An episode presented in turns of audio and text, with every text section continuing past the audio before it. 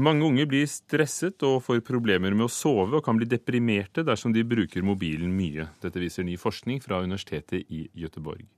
Studien viser en økning på opptil 80% på symptomer for søvnbesvær og depresjon blant de som bruker mobilen ofte.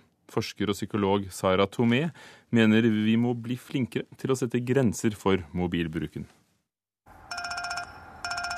Dingsen som lager denne lyden, mobiltelefon, påvirker mange unge mennesker negativt. Søvnbesvær og depresjonssymptom og stressymptom er jo veldig utbredt blant unge i dag. Eh, men den selve økningen i mine studier tyder på kanskje en 50-80% økning av de her symptomene. Sier psykolog Sara Tomé til Sveriges Televisjon. Tomé har studert negative helseeffekter ved bruk av mobiltelefon. 4000 personer i alderen 20 til 24 år er intervjua, og det er de som bruker mobilen mye og som har den på døgnet rundt, som er stressa og har vansker med å koble av. Unge mennesker på Blindern i Oslo tror resultatene i studien kan stemme godt overens med virkeligheten. Jeg tror nok det stemmer ganske godt. Altså, er, man er, skal være tilgjengelig hele tiden, og man ønsker å være oppdatert hele tiden. og Balansegangen der mellom avhengighet og ha et, et, noe, et avklart forhold til det er nok eh, vanskelig for veldig mange. Hvis du ikke har mobil i nærheten? Ja, da blir jeg stressa. jeg er avhengig av mobilen. Bruker den altfor mye til å holde oss oppdatert på ting vi kanskje ikke trenger. Og så glemmer vi viktigere ting. Blir du sjøl stressa av egen mobilbruk? Nei, egentlig ikke stressa. Ble bare litt fed up eh, noen ganger av min egen avhengighet. Liksom sånn at jeg, at jeg, i perioder eh, blir litt for opptatt av den. Når forskningsresultatene viser at folk kan få søvnvansker og depresjonssymptomer av høy mobilbruk, må flere bli bedre til å sette grenser for hvor mye de bruker mobilen, sier Tomé. Hvor viktig er det å være tilgjengelig hele tiden? Hvor mye mister man egentlig? Vi har jo i alle muligheter i verden i dag å eh, dokumentere det vi misser. Altså at man har med telefonsvarere eller at man kan lese sitt SMS senere osv. Så, videre. så at egentlig mister vi jo ikke så mye. Sa forsker Sara Tomé ved Universitetet i Göteborg, reporter Hege Valenius. Bjørnar Olsen, du er redaktør for Tidsskrift for Norsk Psykologforening og selv psykolog. Hei. Hei. Denne svenske studien viser altså en økning på opptil 80% på symptomer for søvnbesvær og depresjon blant unge voksne som bruker mobilen ofte. Eh, hvordan kommenterer du denne undersøkelsen og funnene?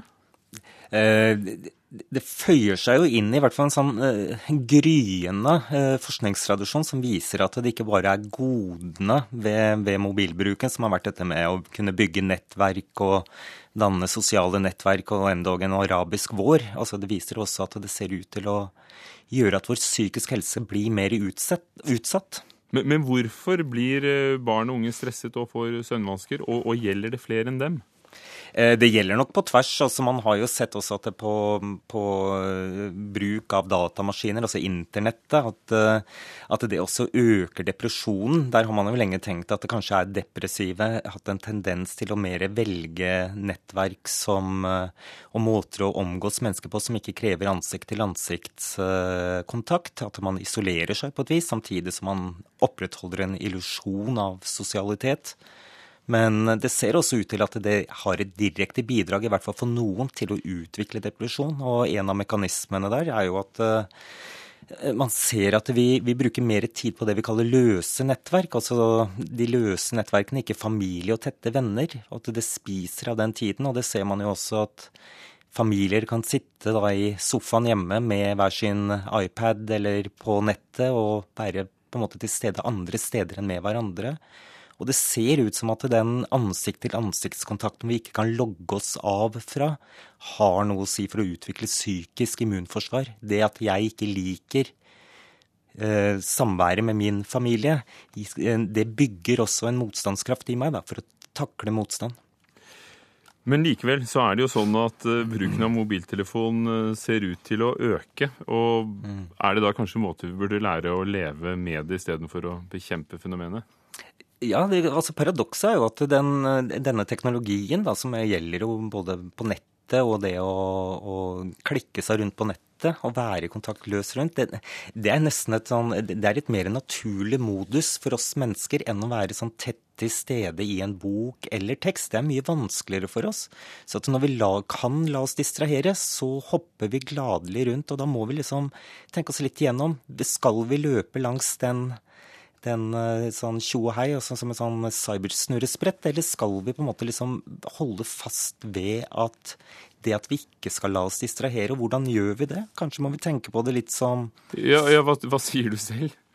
Jeg, jeg, jeg, tenker vel at kanskje kan vi se det på litt sånn som, eh, som eh, kosthold. Da. At vi har, vi har liksom to tradisjoner med både fast food, og så har det vokst fram med slow food. Og slow food det krever mer av oss. Vi må planlegge maten osv. Men det er noe godt med å gjennomført en annen type langsomhet og lage maten fra grunnen av. Men av og til så må vi ta takke med fastfood. Og hvis vi tenker på at dette også er på en måte en ja, i dag er mulighetene for å spise usunt de er så mangfoldige og alltid tilstedeværende.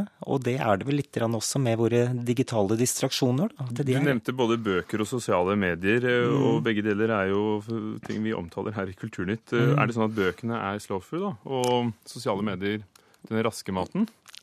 Det er i hvert fall godt mulig å se det på den måten. og Forskningen synes i hvert fall å vise en tendens til at, eh, at, eh, at, at vi kan se det på den måten. At den å fordype seg i tekst har et gode for oss. En ro. Måpetid, kalte Anne-Kat. Vestli det. Måpetid? Gått, måpetid, ja. Det var den tiden hvor barnet sto og ventet og ingenting skjedde.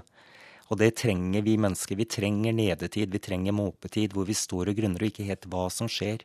Men nå fyller vi alle tomrommene våre raskt, distraheres ut av nærværet med hverandre eller nærværet i en tekst.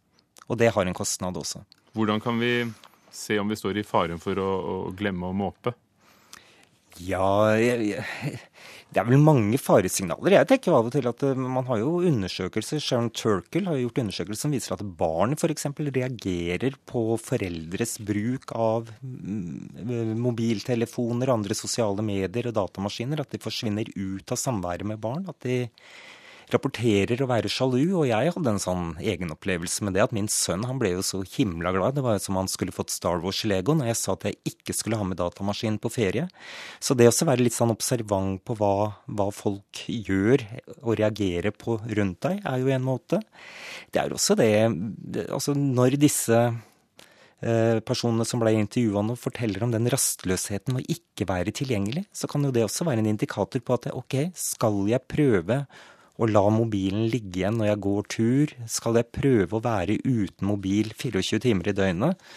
For det var jo også det Tomé nevnte, at det må vi være tilgjengelig i ett og alt? Det virker veldig som vi trenger det, men trenger vi det egentlig? Jeg tror vi må stoppe å måpe litt ved ditt siste mm, spørsmål mm. der.